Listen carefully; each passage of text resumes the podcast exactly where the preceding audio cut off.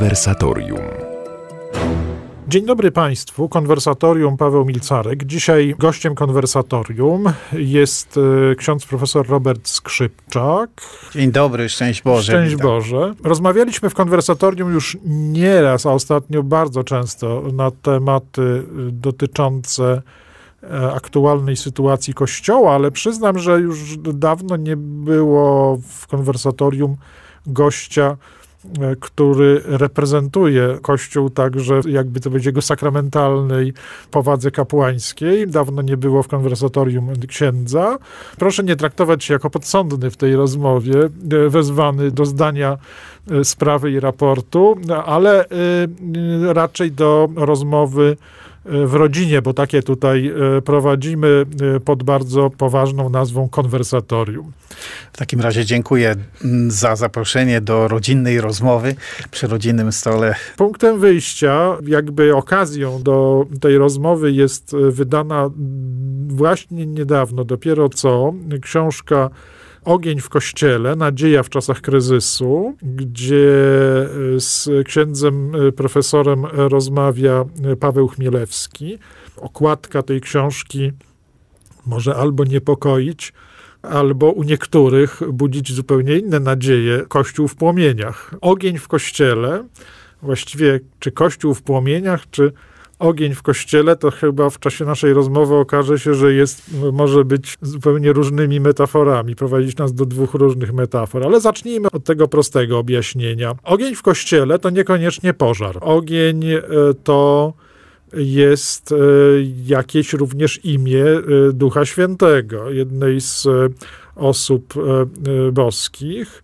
E, Weszliśmy, znaczy ja w tej chwili wszedłem e, dwa kroki w teologię, no ale taka jest nasza, taka jest nasza rozmowa, ale jak zrobię dwa kroki w tył, to nagle się okaże, że ogień to jest e, nazwa żywiołu zupełnie nieokiełznanego i nie, nigdy nie będącego czymś określonym, bo tak Heraklit o ogniu sobie wyobrażał, uważając, że to jest najbardziej podstawowy żywioł tworzący naturę świata i w związku z tym niczym określonym rzeczy nie są. Zawsze ciągle czymś się stają, e, zawsze gdy powiemy, że jest zresztą czymś, to zaraz już za chwilę są czymś innym. Takie filozoficzne, heraklitejskie określenie ognia, no ono chyba nie do końca pasuje do tego określenia Kościoła, jakie zyskujemy w katechizmie, czy w takim razie ten ogień, także Ducha Świętego, to po prostu jest żywioł, który zawsze można powiedzieć jakoś, e, czy sprawia, że Kościół nigdy nie jest czymś określonym? Jak to powiedzieć? Bo czasami się przeciwstawia ten ducha i instytucje. Tutaj też trochę takie przeciwstawienie. Ogień w Kościele. Czy ogień po prostu zawsze spala Kościół? Powoduje, że Kościół nie jest niczym określonym? A, a przecież bardzo często traktujemy Kościół jako coś określonego. Tak, tutaj w tym tytule próbowałem zawrzeć e, poniekąd e, wszystkie te znaczenia, o których e, Pan mówił. Jasne, że jakby pierwszym skojarzeniem jest to, co jakby odcisnęło się na naszej wyobraźni niedawno, to znaczy 2019 rok, płomienie wychodzące z katedry Notre Dame. To powodowało, że niektórzy ludzie padali na kolana, zaczęli się modlić w Paryżu. To był obrazek niesamowity. Inni mieli dreszcze na plecach, a jeszcze inni być może przechodzili obojętnie z ruszej ramionami, a być może jeszcze i nie otwierali szampana, bo też e, podobne płomienie potem wyszły z katedry Chartres i także wiele innych kościołów, także w Polsce, podpalanych czy próby zapruszenia ognia w kościele.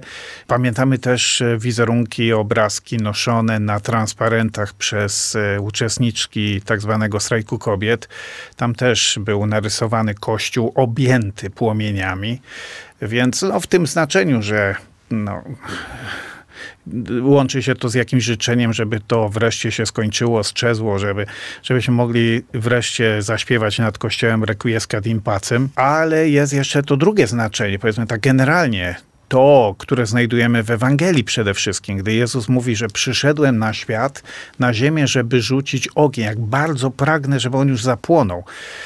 Coś takiego też e, znalazłem kiedyś w jednym z apokryfów świętego Tomasza, literatura kościoła wczesnochrześcijańskiego, gdzie było takie nawet ostrzeżenie wyrażone, że uważaj, jeśli zbliżasz się do Boga, pamiętaj, że zbliżasz się do ognia. Zresztą nawet chyba w liście do Hebrajczyków jest napisane, że Bóg jest e, ogniem pochłaniającym. Taki ogień, który ma w tym znaczeniu, w tym sensie no, pozytywne znaczenie. To znaczy kojarzy się z miłością Boga. Ktoś kocha, więc płonie miłością. O świętym Franciszku Ksawerym opowiadało się, że miał popalone koszule y, w miejscu piersi. Taki miał żar w sobie, taką gorliwość niezwykłą, co wystarczy sięgnąć po jego listy pisane z misji, no to tam masz to płonie, więc tak samo można byłoby odczytać no, zapaloną świecę paschału, czy ogień, który po, rozpoczyna naszą liturgię matkę w Kościele katolickim, czyli Wigilię Paschalną. To wszystko zaczyna się od ognia. W tym miejscu ogień jest symbolem e, zmartwychwstałego Chrystusa, czyli pokonanej śmierci. Taki ogień, który daje życie, przy którym można się ogrzać i od którego można otrzymać bardzo wiele no, ciepła, żaru do klasyki e, mistyki chrześcijańskiej. Weszło też takie wyobrażenie e, o mm, przemianie, którą wnosi ogień e, w życie takiej natury jak nasza, człowieka zbliżającego się do Boga, porównywano jakby do kawałka metalu, który ogarnięty płomieniami, łaski jakby przejmuje po części na, naturę tego ognia, staje się tym e, rozognionym metalem. Trochę taki starożytny i średniowieczny obraz przyrodniczy, ale on nas ma, miał przybliżać do tego wyobrażenia, że istnieje coś, co nie przestaje być sobą, natura ludzka nie przestaje być sobą, ale y, jednak staje się po części już czymś, czymś innym, czymś posiadającym inne wewnętrzne życie. Czy tak jest z Kościołem? No tak, no jedną z takich podstawowych, fundamentalnych charakterystyk Kościoła jest fakt, że Kościół jest natury misyjny, a ogień to jest coś, co się przekazuje albo czym można coś drugiego zapalić. Ogień jest czymś, co, no to właśnie to jest skojarzenie z życiem. Jeszcze chciałbym wrócić do, tej, e, do tego pytania z samego początku, bo mhm. oczywiście ta książka rozmów e, z naszym dzisiejszym gościem jest, nie jest po prostu zawieszonym bardzo wysoko w powietrzu rozważaniem o metaforach, jak my tutaj trochę e, je zaczęliśmy, ale jest oczywiście rozważaniem o bardzo, bardzo wielu sprawach poruszanych w różnym sensie ogień, czasami poruszanych, czasami niszczonych, czasami oświetlanych, prawda? Jest tutaj cała mowa o mnóstwie spraw, e, e, także aktualnie e, ważnych w Kościele dla, dla chrześcijan. Przewijają się właściwie wszystkie dzisiejsze spory, pytania, dyskusje, taka jakby synodalność, bym powiedział, tej książki polega na tym, że dwóch chrześcijan idzie ze sobą i rozmawia o sprawach, które są dzisiaj codziennością e, e, już nie jednostek, ale całej wspólnoty. I stąd to pytanie, od którego nasza rozmowa tutaj się zaczęła. Czy gdy wzywamy ognia, czy gdy ktoś wzywa ognia w, w kościele, wzywa, chce zmiany, mówi o tej zmianie, to chce Kościół wyzwalać, czy Kościół niszczyć? Pierwsza perspektywa. Myślę, że ogień może się kojarzyć z jednym i drugim, bo ogień to jest piorun, błyskawica, to jest e, tak samo można to sformułować takim sympatycznym życzeniem, żeby kogoś szlak trafił. Też A, ogniowe życzenie. Ale z drugiej strony ogień to jest e, to, co e, prorocy sprowadzali na ziemię. Czy nawet e, o Eliaszu było powiedziane, że płonął jak pochodnia. Myślę, że jest to coś, co kojarzy się z dzisiejszą naszą sytuacją w Kościele, bo ja osobiście mam obawę, że na przykład Kościół e, na Zachodzie bardziej jeszcze, ale Kościół w Polsce idzie w tym kierunku, że zmierzamy w stronę pewnej epoki lodowcowej że wszystko staje się chłodne, wszystko staje się nijakie, bez wyrazu. My też jako katolicy nieraz możemy zasłużyć sobie na krytykę, którą kiedyś y, sformułował nawet Freud sam, patrząc na nasz styl życia i mówił, że my jesteśmy chyba jakoś nie bardzo albo niedostatecznie ochrzczeni. że trudno jest zobaczyć, dopatrzyć się tej wyjątkowej oryginalności, która gdzieś tkwi w misji, jaką mają chrześcijanie. Bo to jest tak w, w naszym kościele, że ogień, powiedzmy, ma tę naturę zarażającą że łatwo się e, poddać jego działaniu, szybko przejdzie, tak jak iskra na przykład przelatuje. E, I tak jak można e, komuś przekazać grzech i go zniszczyć, Kiedyś słyszałem takie wyobrażenie, jaką siłę ma zgorszenie w kościele, że to przypomina coś, co w czasie II wojny robiono w Chorwacji. Mianowicie e, wiązano e, całą grupę ludzi wokół szyi, przywiązywano jednym długim, e, jednym długim sznurem i potem pierwszego zrzucano w przepaść i on pociągał za sobą wszystkich innych. Taki okrutny sposób zadawania śmierci, a przecież w ten sposób działa zgorszenie że jeśli, no, Jezus sam o tym mówił, że lepiej byłoby komuś nawet przywiązać kamień młyński i rzucić do morza, niż żeby stał się powodem zgorszenia jednego z tych maluczkich. A przecież jeden z największych powodów do cierpienia dzisiaj w Kościele, ale nie tylko w Kościele, w naszym społeczeństwie, bo to jest jakaś rzeczywistość ogarniająca nasze, nasze pokolenie, to jest e, fakt, że doszło do naruszenia czegoś, co było świętym y, tabu, czyli y, zbiorową ochroną niewinności dziecka. Wracamy do rozmowy o ogniu w kościele. Moim y, rozmówcą dzisiaj w konwersatorium jest ksiądz profesor Robert Skrzypczak. Zaczęliśmy przed przerwą od pokazywania różnych metafor, które są obecne e, wraz z tytułem tej książki, ale zaczęliśmy też mówić o konkretnych tych ogniach zniszczenia, bo to mówiliśmy, że może być ogień poruszający, jakby ogrzewający ogień, który niszczy, a i ogień, który oświetla. E, zatrzymajmy się przy tym ogniu, który niszczy. Czy Kościół jest dzisiaj niszczony przez ogień, który przychodzi z zewnątrz przede wszystkim. Ktoś po prostu przychodzi, już teraz oczywiście mówię nie o podpaleniach konkretnych, ale właśnie o tej całej rzeczywistości. Czy bardziej przychodzą podpalacze, żeby zniszczyć Kościół, czy też może jest tak, że Kościół dopuścił do zwarcia e, w swojej własnej strukturze i e, można powiedzieć sam dopracowuje się swoich wewnętrznych pożarów niszczących go dzisiaj. Kościół dzisiaj dotyka pewien rodzaj prześladowania z zewnątrz, czy też atmosfera nieprzychylności, wrogości. No ale to jest nic nowego, bo zawsze odkąd chrześcijaństwo istnieje, odkąd Chrystus przyszedł na ziemię, jest znakiem sprzeciwu. I jakby Kościół ściąga na siebie nieraz grzech, zło, y, złość, podłość tego świata. To spada na niego i i paradoksalnie tam, gdzie dochodzi do tych zewnętrznych prześladowań, tam Kościół się wzmacnia. No, wystarczy nawet e, spojrzeć na duchową mapę Europy i widać, że e, wschodnia część Kościoła katolickiego wydaje się mocniejsza dzisiaj niż ta zachodnia.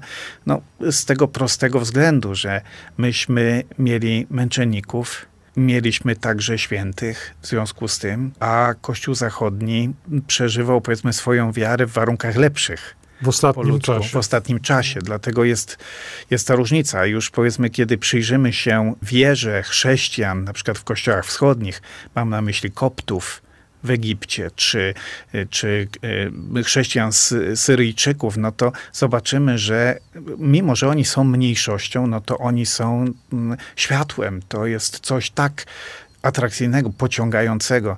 Nie zapomnę nigdy kobiety, która wystąpiła w programie telewizji egipskiej, po tym właśnie jak e, jej mąż, który ochraniał liturgię kościoła koptyjskiego w czasie Bożego Narodzenia w Aleksandrii, e, zginął e, rzucając się na człowieka, który przyszedł obwieszony bombami na to nabożeństwo. Sam zginął, ale uratował wielu innych. I ta kobieta, właśnie zaproszona do telewizji muzułmańskiej i prowadzonej przez dziennikarzy muzułmańskich, powiedziała: Nie mam żalu do tego, kto to zrobił, ale z drugiej strony, dzieci, pomyślcie, co robicie ze swoim życiem, jak traktujecie Boga, rozumiecie go w sposób zupełnie, w sposób niebezpieczny. Ale powiedziała potem: Jestem dumna, że jestem małżonką takiego człowieka który oddał życie dla Chrystusa. No i w efekcie czego y, zapadła cisza w studio, co czasami cisza w studio jest czymś zabójczym. A, a, a jeden z dziennikarzy muzułmanie mówi e, ze ściśniętym gardłem, my ciągle odnosimy się z niechęcią albo z mm, pogardą wobec e, wyznawców Chrystusa w naszej ojczyźnie. Ale dzisiaj widać, że dzięki takim ludziom nasz kraj ma szansę rozkwitnąć. Mówi ksiądz profesor o sytuacji e, e, chrześcijan, e, o których teraz staramy się trochę więcej pamiętać, o tych, którzy są w krajach, gdzie po prostu trwają albo regularne, albo mm, chaotyczne, ale bardzo realne prześladowania chrześcijan, takie, które można rysować czy malować czerwonymi barwami, barwami krwi. Tak? Po prostu cierpienie, które kończy się nieraz dosłownie męczeństwem. To nam oczywiście przypomina całą perspektywę Kościoła cierpiącego, Kościoła męczenników. E, pewnie e, warto zawsze przypominać, że tych męczenników e, pod względem liczbowym mamy dzisiaj nawet i więcej niż, niż, niż historycy nam opiszą przypadki te z Kościoła rosnącego w starożytności. Ale z drugiej strony no jest też to pytanie o inną zupełnie formę e, takiego, jakby to powiedzieć, prześladowania, tak? Czy prześladowania polegającego na tym, że ludzie, którzy przecież w kościele zostali ukształtowani, którzy, którzy się mm, w nim wcześniej odnajdywali, są ludźmi obojętnymi wobec kościoła. Nie tylko w sensie takiego chłodu obojętności, ludzi, którzy nic o kościele nie wiedzą i nie są zainteresowani, tylko takiego chłodu wystudiowanego, takiej nas to już w naszym życiu nie interesuje, nie potrzebujemy to mówił ksiądz profesor o lodzie, tak? O przeciwieństwo e, ognia. Kościół, który nie jest podpalany, tylko jest jakby obkładany lodem, tak można by powiedzieć. To jakby miał, prze, miał się upodobnić, tak? Że, e, I wtedy przestanie przeszkadzać, jak przestanie rozpuszczać ten lód. Będzie dobrze, nie będzie nam przeszkadzał. To jest też jakaś forma niepokojąca, ale, ale równocześnie pytamy też o to, co staje się dla ludzi obojętnych, krytycznych, niechętnych, e, czasami atakujących Kościół, obecnie podstawowym uzasadnieniem, podstawowym uprawnieniem tej krytyki tego odrzucenia. Czyli ta z, jakaś zapaść, o której też ksiądz już mówił, która wewnątrz Kościoła się pojawiła, ta otchłań, w którą, w której się okazało, że, e, e, że ludzie, którzy są jakby ludźmi w Kościele zaufania, tak, do których z zaufaniem się podchodzi wedle całej wielowiekowej jakiejś również sytuacji, prawda, do, do swoich księży, do wychowawców, do prefektów, no i tak dalej, i tak dalej. I nagle oni stają się tymi, którzy pierwsi lecą w przepaść ciągną za sobą chmary innych, to jakaś e, swoją drogą w tym obrazie jest coś niesamowitego, bo to zupełnie inna forma powiedzenia o, o tym, e, tego, tego ewangelicznego opisu, te, te, tego przykładu, który dawał Pan Jezus, że gorszycielowi lepiej by było przywiązać kamień, e, żeby upadł na głębiny, jeśli ma, ma maluczkich tu gorsze, ale dzisiaj mamy właśnie gorszycieli, którzy razem z tymi zgorszonymi lecą w, w prze, to, to, to, to ci maluczcy w jakimś sensie stają się tym ciężarem, e, e, który ich dalej ciągnie, e, zrzuca w dół. To jakaś tragedia, z którą sobie nie radzimy. Czy przesadzamy z, tą z, opisa- z opisywaniem tej tragedii dzisiaj? Staje się to jakimś ładunkiem wybuchowym wobec Kościoła? Czy może można powiedzieć, że tu jakiś jest klucz w ogóle do całej sytuacji? Czy też jest inaczej, jak mówią mi niektórzy znajomi, że, e, że w końcu będzie tak, że będziemy w kościele zajmowali się wyłącznie ściganiem pedofilii, jakby niczym innym się nie zajmowali. Są skrajne opinie na, na ten temat. Mhm. Czyli prawda tu jak zwykle leży gdzieś po środku, czy trzeba, gdzie, jakie akcenty tu trzeba postawić? Prowokuje pan tym pytaniem tysiąc skojarzeń, tysiąc inspiracji. Oczywiście trzeba byłoby skorzystać e, z diagnozy, którą postawił papież Benedykt XVI w drodze e, na pokładzie samolotu do Fatimy w 2010 roku. On powiedział o prześladowaniach zewnętrznych, ale także o prześladowaniach wewnętrznych, tych, które będą wychodziły z wnętrza Kościoła i o tych prześladowaniach, o perspektywie tego typu właśnie udręki, którą Kościół będzie sobie zadawał sam sobie – o jakichś tendencjach, skłonnościach autodestrukcyjnych, wręcz nawet w niektórych wypadkach samobójczych Kościoła, mówiła w wielu miejscach Matka Boża, czy też święci mistycy, jak na przykład Katerina Emerich. Nie? No, mamy dzisiaj do czynienia z czymś takim właśnie, że y, czujemy się prześladowani przez samych siebie. Oczywiście uogólniam, bo w kościele są e, e, chrześcijanie święci, wspaniali, ale są też e, ludzie, którzy no, zasługują na inną diagnozę, którą kiedyś postawił Paweł VI. Powiedział, że Kościół nie jest w kryzysie. Kościół jest zepsuty. I często też ksiądz Dolindor Łotolo też do tego nawiązywał. Mówił właśnie do tego zepsucia kościoła, że to jest tak jakby się tkanka rozkładała. Nic dziwnego, że to budzi wstręt. E, zwłaszcza jeśli to jest przez innych lekceważone. Na pewno jest tak, że stoimy wobec wyzwania. Być może e, dawno Kościół nie miał takiego wyzwania w sobie, że, żeby sobie poradzić z tym zepsuciem. I w tym sensie, biorąc pod uwagę i przypadki pedofilii, których dopuszczają się niektórzy przedstawiciele Kościoła, narażając strasznie na szwank, być może na kilka pokoleń, problem zaufania do katolickiej szkoły, do katolickiej parafii i tak dalej, ale biorąc pod uwagę także e, no, wiele innego rodzaju zgorszeń, czyli jakby w wielu miejscach jakby proces nawrócenia ustał, że stajemy się katolikami z nazwy.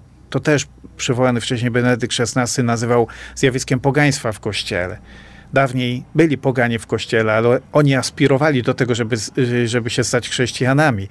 Natomiast dzisiaj mamy wielu, którzy nawet praktykują albo jakoś tam się przyznają do politury katolickiej na sobie, a jednocześnie, jeśli chodzi o sposób życia, aksjologię, czyli wyznawane, wyznawaną hierarchię wartości, są praktycznie poganami. To znaczy mogą być religijni, mogą mieć odniesienia takie nawet, e, nie wiem, e, quasi czy pseudo-mistyczne, ale to nie ma nic wspólnego z Chrystusem z ukrzyżowanym i zmartwychwstałym. Ci ludzie nie świecą. Ten ogień jest sztuczny. Być mhm. może czasami możemy robić pewne rzeczy na krótką metę, jakiś fajerwerk się pojawi, ale e, to nikogo nie ogrzewa, to nikogo nie pociąga. Na pewno jesteśmy w takim miejscu, to Fulton Sheen mówił, że co 500 lat chrześcijaństwo przeżywa taki kryzys straszny. Nie? Wcześniej było, na początku był najazd barbarzyństwa, to są czasy Benedykta Świętego z Nursi. Potem był czas strasznego zepsucia moralnego w kościele, czasy papieża Hildebranda. Potem był czas także ogromnego, bolesnego rozdarcia wewnątrz chrześcijaństwa zachodniego.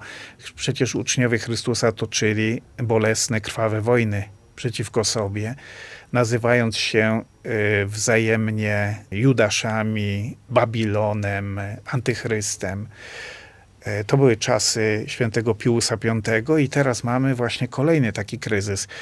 Przyznam się, że gdzieś w kącie serca mojego noszę modlitwę i proszę Pana Boga dzisiaj o e, nowego papieża Hildebranda w tym sensie. Ja jestem pod wrażeniem tego, co zrobiło dwóch ludzi właśnie tysiąc lat temu w obliczu z jednej strony właśnie zepsucia, które wybijało jakby z niektórych klasztorów, e, plebań, e, a z drugiej strony też takiej ogólnej obojętności, jakby większość katolików zwróciła się w inną stronę niż Chrystus zmartwychwstały, niż niebo, czyli szukali jakby swojego ciepłego grajdołu tutaj, wygodnego życia tutaj, więc pieniądza, więc władza, więc znaczenie, walka o wygrany spór, i wtedy Bóg powołał takich dwóch właśnie, jednego mnicha, Piotra Damianiego, który sporządził bardzo szczegółowy i dokładny raport o stanie moralności w Kościele, aż powiedzmy do szczegółów. Czasami to się czyta z, z trudem. Zresztą w tej chwili jest tłumaczone nowe wydanie Piotra Damianiego. Mam na myśli e, Liber Gomoreus. I papież e, Grzegorz Hildebrand, e, mnich, benedyktyn, który postawiony na urzędzie Piotra, e, no, rzucił wszystko na szale to znaczy i swoją, swoje bezpieczeństwo, i swoją reputację, też licząc się z tym, że mm, powiedzmy od tej walki z bestią wewnętrzną może polec, zginąć, ale Chrystus zwycięży. To było coś takiego mocnego. Papież Hildebrand wówczas nie walczył z lubieżnikami, w kościele, ani nie walczył z mafią lawendową, homoseksualizmem w kościele, uprawianym i, i, i powiedzmy usankcjonowanym jakoś wspólną zgodą na to, e, nie walczył z nieuczciwością w Kościele, tylko zawalczył o życie wieczne, o nadprzyrodzoność Kościoła. I wtedy no, była postawiona sprawa jasna, albo zwracacie do duchownych, do mnichów, albo wracacie do wierności wobec Chrystusa, jakby reprezentując Go i ukazując Go w tym pokoleniu poprzez e, dar celibatu, poprzez dar e, dziewictwa, także do małżonków poprzez wiarę małżeńską albo wynocha idźcie sobie y, y, szeroką drogą do, do potępienia, ale musicie dokonać tego wyboru. Pewnie tak jak wtedy, jak w tych wszystkich przypadkach, o których y, ksiądz mówił, tych, tych momentach jakiegoś wielkiego przetasowania i wielkiego napięcia, to, to pewnie tak samo i dzisiaj, ale dzisiaj na pewno tak to widzimy, jest trochę też tak, że również nasze myślenie o naprawie, o oczyszczeniu samo jest czasami zanieczyszczone różnymi czysto takimi e, świeckimi e, wyobrażeniami. E, no bo jesteśmy pod ogromnym e, ciśnieniem e, takich postulatów, takich wymagań, które z jednej strony są zrozumiałe, no, świat jest zainteresowany, żeby, żeby w kościele nie było przypadków pedofilii, ani jakby to powiedzieć, nie było mechanizmów władzy, które, które osłaniają te, te nadużycia i przestępstwa. I właściwie mi się wydaje, że jeśli ograniczyłby się do jakiegoś jakiegoś uczciwego e, stawiania sprawy, to świat jest właściwie byłby zainteresowany tylko, tylko tym. Nie tym, żeby Kościół był kościołem, tylko, tylko żeby Kościół przestał, jak e, przeczytamy na mnóstwie różnych portali i tak dalej, żeby Kościół przestał chronić przestępców. To jest to zainteresowanie wyrażane od tej strony i w jakimś sensie to potężne ciśnienie no, ma na celu wyłącznie, wyłącznie to, po drodze wszystko ma być zmieniane albo e, uzasadnieniem, albo pod pretekstem przejrzystości w, te, w, w tej dziedzinie. No, niedawne spory, dyskusje się one zaczynają, prawda, dotyczące e, sekretu spowiedzi, tajemnicy spowiedzi. One są dobrym przykładem tego, żeby zobaczyć, że z jednej strony może być ktoś, może być w świecie, może być taki, taki ktoś, taki ośrodek i tak dalej, który po prostu jest zainteresowany e, wyłącznie usprawnieniem pewnych procedur i wydaje mu się, że tajemnica spowiedzi jest przeszkodą, z którą świat nie może się dalej liczyć. Taki średniowieczny wymysł, nie możemy się z tym, po prostu odgraniczmy to do tajemnicy zawodowej, do, do zwykłych procedur przejrzystości, jakich, jakie mamy, nie wiem, w sytuacjach świeckich, adwokat, jego klient, lekarz, tajemnica lekarska i tak dalej. To, to, to są oczywiście rzeczy przez świat jakoś rozumiane, ale równocześnie tymi tajemnicami się świat posługuje. Może e, zażądać od lekarza e, zwolnienia, może od dziennikarza zawolno, może od adwokata, a od księdza nie. I tu jest jakiś taki moment napięcia, który widzimy. I niewątpliwie gdzieś obok tego są również ludzie, którzy zwyczajnie myślą sobie, jest to dobra okazja, żeby Kościołowi powiedzieć, nie chcemy ciebie już takim, jakim jesteś, albo się przyznaj do nas, albo w całości się upodobnij do instytucji świeckich, albo wynocha. To drugie, w drugą stronę wynocha, prawda? I znowu pytanie, na ile Kościół w, swoich, w swoim, w tym, co teraz zobaczył o sobie, no ma się liczyć e, z tymi ostrymi recenzjami, które przychodzą e, ze świata, czasami od ludzi, o których nie wiemy do końca, jakie są ich intencje. Rzeczywiście jest takie niebezpieczeństwo, że dzisiaj e, proces oczyszczenia kościoła może być zawładnięty czy przejęty przez inne siły, które e, być może będą chciały jakoś wykorzystać e, walkę z problemem, tutaj mamy na myśli ciągle problem pedofilii, nadużyć seksualnych, po to, żeby Kościół pozbawić ikry, pozbawić żywotności. No, pisał o tym dość niedawno jeszcze choćby Antonio Socci, mówiąc o inicjatywie, która wyszła przy okazji wyborów prezydenckich, e, walki między Hillary Clinton i prezydentem Trumpem, gdzie wyszło na jaw, że został przyjęty pewien nawet plan po stronie Hillary Clinton. Ten plan miał nawet nazwę Wiosna Kościoła. To było bardzo perfidne, dlatego że chodziło o to, żeby finansowo wzmacniać w kościele tych ludzi, którzy w kościele są zainteresowani do tego, żeby się wpisać w oczekiwania tego świata. Żeby kościół był taki milutki, taki właśnie do zaakceptowania, do przełknięcia przez wszystkich, czyli tych, którzy lubią Pana Jezusa i go nie lubią, którzy myślą o nawróceniu, nie myślą o nawróceniu. Natomiast y, jednocześnie te same pieniądze szły w stronę wyśmiewania albo dyskredytowania nawet tych miejsc, gdzie ludzie na serio biorą Ewangelię i w tym sensie Kościół zawsze będzie znakiem sprzeciwu, będzie niewygodny dla współczesnego człowieka.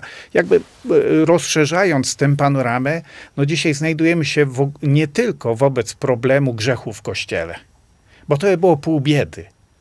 I oczywiście ja nie wierzę w to, że wystarczy wpuścić prokuraturę kulturę i, i, siły porządku publicznego, żeby wyczyścić Kościół.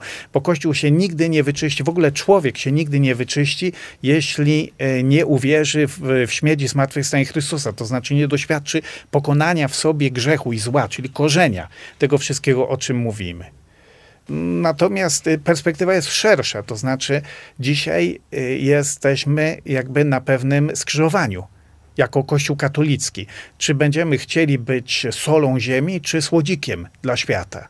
Czyli czy będziemy chcieli się wpisać w oczekiwania ludzi i być fajnym kościółkiem i wtedy podzielimy los wielu tych kościołów innych protestanckich na zachodzie Europy, które nikomu nie, nikogo nie ziębią, nikogo nie grzeją, czy będziemy chcieli stanąć po stronie Chrystusa i za cenę nawet wielu wyrzeczeń stać się na nowo kerygmatem, odpowiedzią dla ludzi. Świetne pytanie, pokazujące alternatywę, przed którą dzisiaj stoi Kościół. Myślę, że będę mógł dorzucić do tego pytania kilka innych pytań po przerwie.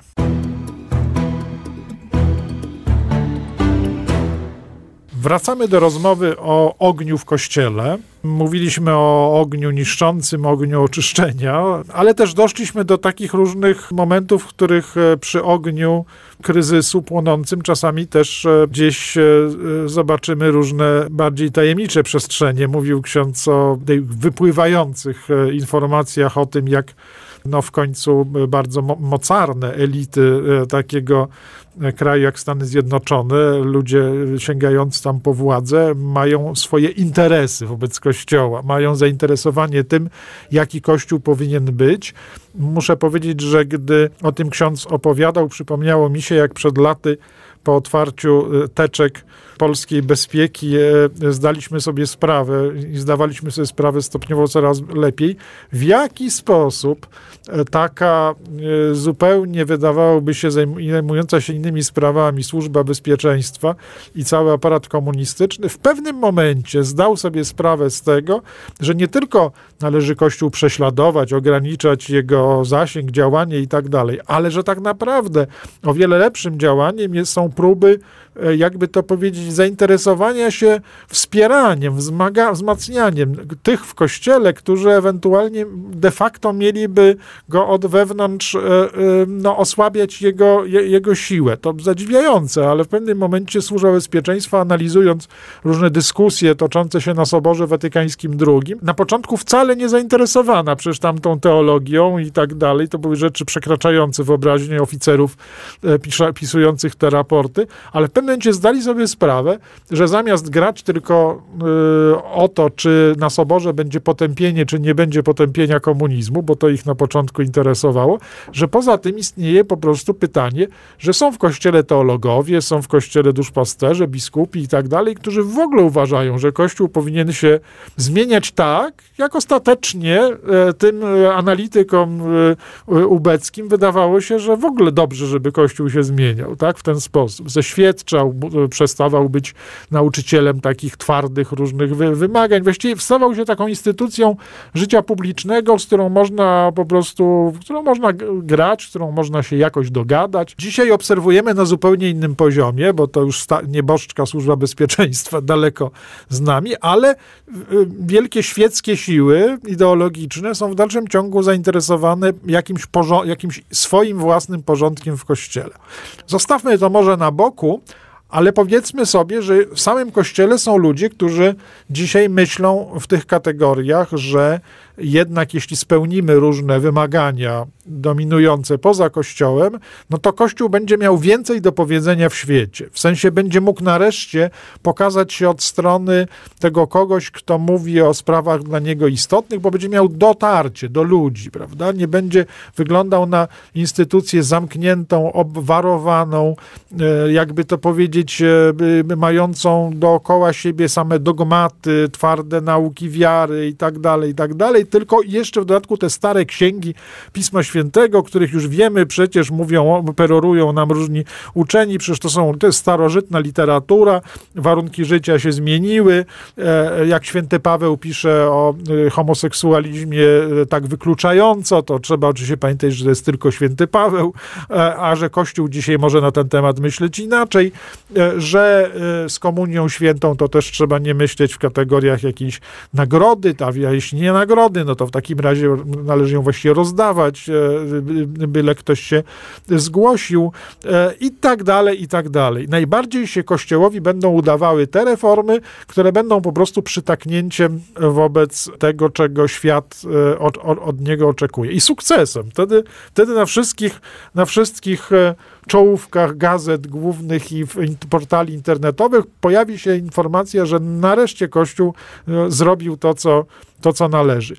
Ja tak sobie o tym lekko mówię, ale oczywiście to są bardzo konkretne kroki, e, ruchy, działania, scenariusze, które już w tej chwili powstają nie gdzieś w jakichś tajemnych warsztatach antykościoła, antykościoła tylko po prostu nam, są na stole różnych dyskusji kościelnych. Jak to się ma? Wydaje się, że to jest ruch w jakimś sensie nawet silniejszy od tych dość rozproszonych e, ośrodków e, takiego chrześcijaństwa zasadniczego, jakby to powiedzieć, e, e, którego ton trochę wyczułem w księdza także marzeniu o, e, o odnowie z czasów Hildebranda.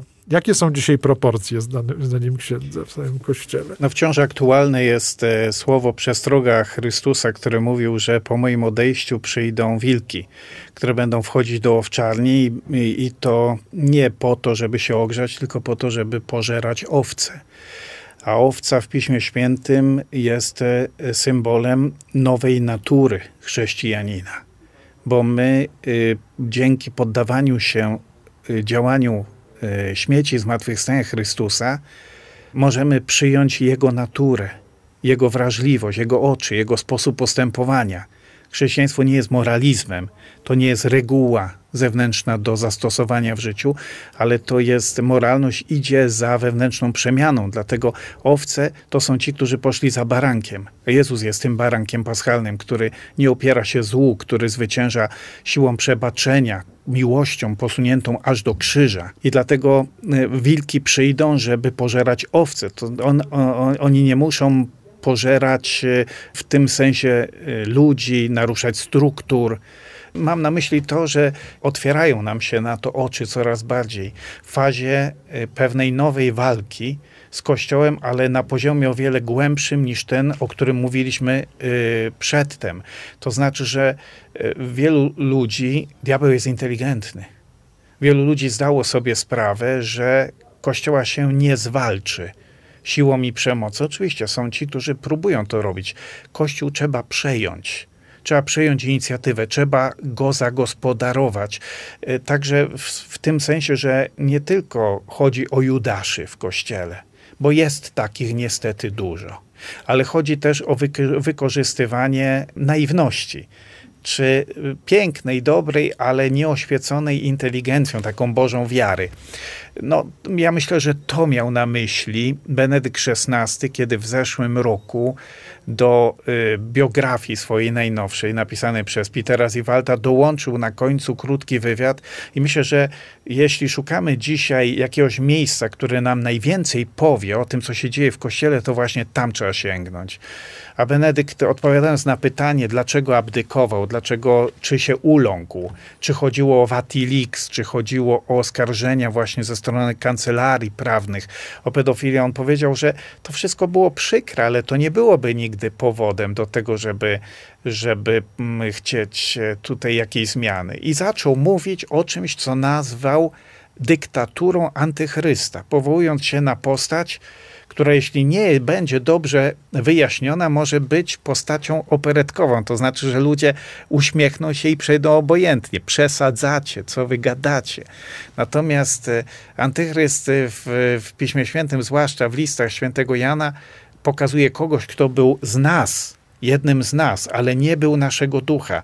Oni wychodzą z nas, zwłaszcza, że święty Jan mówi, antychrystów jest wielu.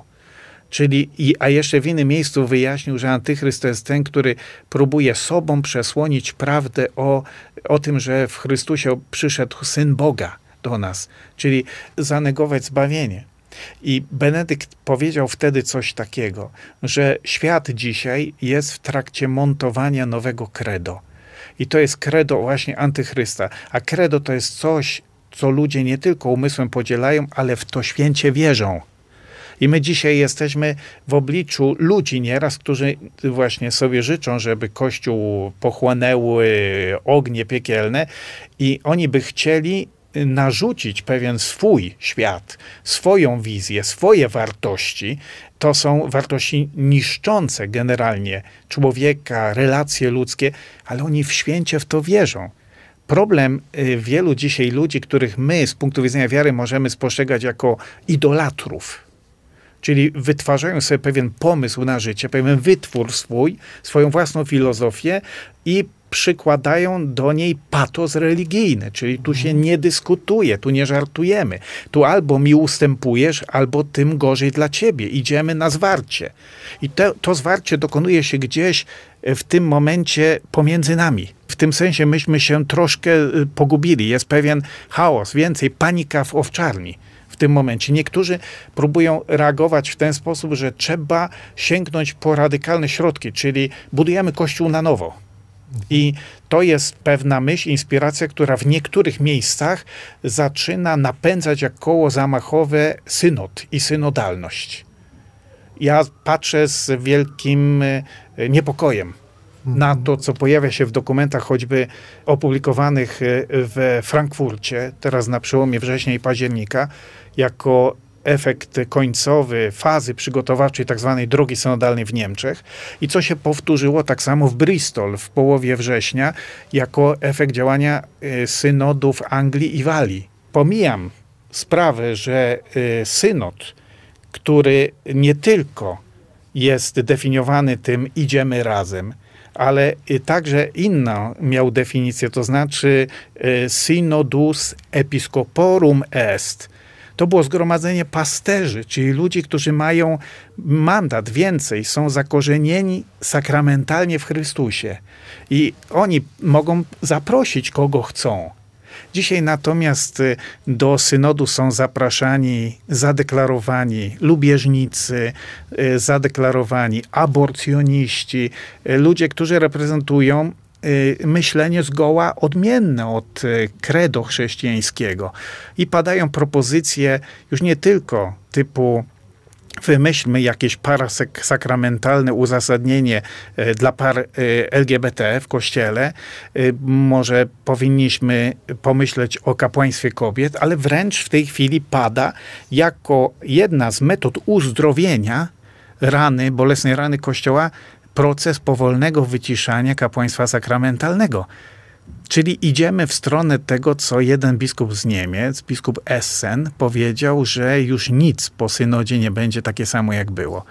Ja nie muszę tym się cieszyć. Ja mam y, dreszcze i to jest y, silniejsze ode mnie. To jest z jednej strony, powiedzmy, inni mogą też włączyć bieg wsteczny i powiedzieć, my w takim razie uciekamy na pustynię i będziemy Amiszami. Czyli zamkniemy się w naszej ulubionej y, tradycji średniowiecznej, będziemy czytać tylko teksty średniowieczne, tylko po łacinie, niech to będzie nasz kod rozpoznawczy. Kto się nie zna na łacinie, to nie ma jakby y, kodu dostępu do nas. Nie? Ja czuję gdzieś intuicyjnie, że owszem, są pewne charyzmaty, które mogą w ten sposób e, się przejawiać, bo zawsze byli w kościele pustelnicy, zawsze był ten, ten sposób życia także, nie? że trzeba być światłem na górze, nieko, niekoniecznie tym właśnie rozpuszczonym w społeczeństwie. Ale to, to z drugiej strony też e, jest pewnym zniechęceniem, pewną, pewną ucieczką. Może być też, nie? Więc Benedykt mówi w ten sposób, że to, wyjaśniając jakby dyktaturę antychrysta, że to, co jeszcze do niedawna było powszechnie uznawane za zło, za coś niszczące człowieka, za grzech śmiertelny, dzisiaj nie tylko uzyskało prawo obywatelskie y, w naszym społeczeństwie, ale wręcz jest y, uwielbiane, wy, wy, wychwalane jako coś najbardziej uszlachetniającego człowieka. I odwrotnie też, coś, co było kiedyś cnotą, i ludzie powszechnie się zgadzali, że tędy droga dla budowania człowieczeństwa, czy powiedzmy, którędy iść do nieba, dzisiaj jest negowany, odrzucany jako coś anachronicznego, niepotrzebnego. Więc w tym sensie no, mamy wielki problem, mamy wielkie wyzwanie i tutaj potrzeba rozeznania, ale nie rozeznania, które się uzyska na w wyniku y, zebrania danych ankiet, tylko rozeznania, y, które wymaga padnięcia na kolana, głębokiej modlitwy, tak apostołowie robili. Oni padali na kolana, modlili się, wsłuchiwali się w tym sensie w Ducha Świętego i potem dopiero wydawali z siebie decyzje, które były zawsze aktem wiary. Duch Święty i my postanawiamy. Dzisiaj tego Ducha Świętego szukamy w y, opinii publicznej, szeroko pojętej, pytamy się o tę opinię ludzi, którzy są apostatami, którzy są innowiercami, którzy są nawet nieochrzczonymi. Jakbyśmy się zgodzili, że dzisiaj inspiracja dla Kościoła nie płynie już e, z Pisma Świętego, z żywej tradycji Kościoła, tylko, tylko płynie e, z tej gleby naszej Matki Ziemi. Muszę powiedzieć, że rzeczywiście nie, niepokojąco brzmi to przypomnienie, że to, co ksiądz nazwał religijnym patosem, obecnie tak łatwo przenosi się na właściwie e, rozmaite zresztą i czasami rywalizujące ze sobą parcjalne i partyjne dobra, wartości, różne ułamkowe rzeczy traktowane jak absolut. Rzeczywiście e, jest coś w tym e, i niepokoi nawet wtedy, gdy dotyczy to dóbr skądinąd czasami bardzo potrzebnych, naturalnych, bo oczywiście istnieje różnica między takim uwielbieniem ludzkiej wolności, która ma iść aż na przykład do zabijania słabszych. To jest oczywiście inna perspektywa, od razu jakby wewnętrznie skażona, ale na przykład tam, gdzie ludzie z ogromnym, wręcz religijnym patosem głoszą na przykład ekologię albo społeczną sprawiedliwość, mamy do czynienia z jakimś dobrem niepodważalnym, jakoś zrozumiałym, jakoś potrzebnym, a z drugiej strony przybiera to postać umieszczenia jakiegoś dobra w miejscu Boga. Nawet już z perspektywy takiego obserwatora, gdyby ją przyjąć zewnętrznej, no to jest to przypisanie jakiejś rzeczy, która często jest porządkowa, wiąże się z jakimiś elementami higieny, przypisanie jej jakiegoś znaczenia wyzwolenia, takiej zbawienia człowieka, taki właśnie religijny patos. Bardzo dziękuję za tę rozmowę. Porozmawialiśmy o różnych e, tutaj ogniach, bo to tak naprawdę nie był jeden ogień, tylko rozmawialiśmy o tym ogniu, który parzy i niższy, i tym, który rozgrzewa, i tym, który oświeca. Tak życie ludzkie mm, zdaje się biegnie, e, zwłaszcza w kościele, że wiele rzeczy ogląda się w ogniu, w świetle ognia niszczącego, ale równocześnie ma się do dyspozycji ten ogień, e, który oświeca i, e, i ogrzewa, jeśli się go... Którego symbolem jest wieczysta lampka, zawsze wieczysta lampka. Przy, świe, e, przy Najświętszym Sakramencie i zawsze jakoś katolicy dbają i dbali o to, żeby ona nie zagasła. Dziękuję bardzo, dziękuję Państwu za uwagę. Jak zwykle Państwa zapraszam do konwersatorium w następną niedzielę o godzinie 13. A dzisiaj Państwu życzymy dobrej niedzieli. Bardzo dziękuję księdzu profesorowi za obecność. Dziękuję serdecznie. Szczęście. I do usłyszenia. Audycja powstaje we współpracy z kwartalnikiem Chrystianitas.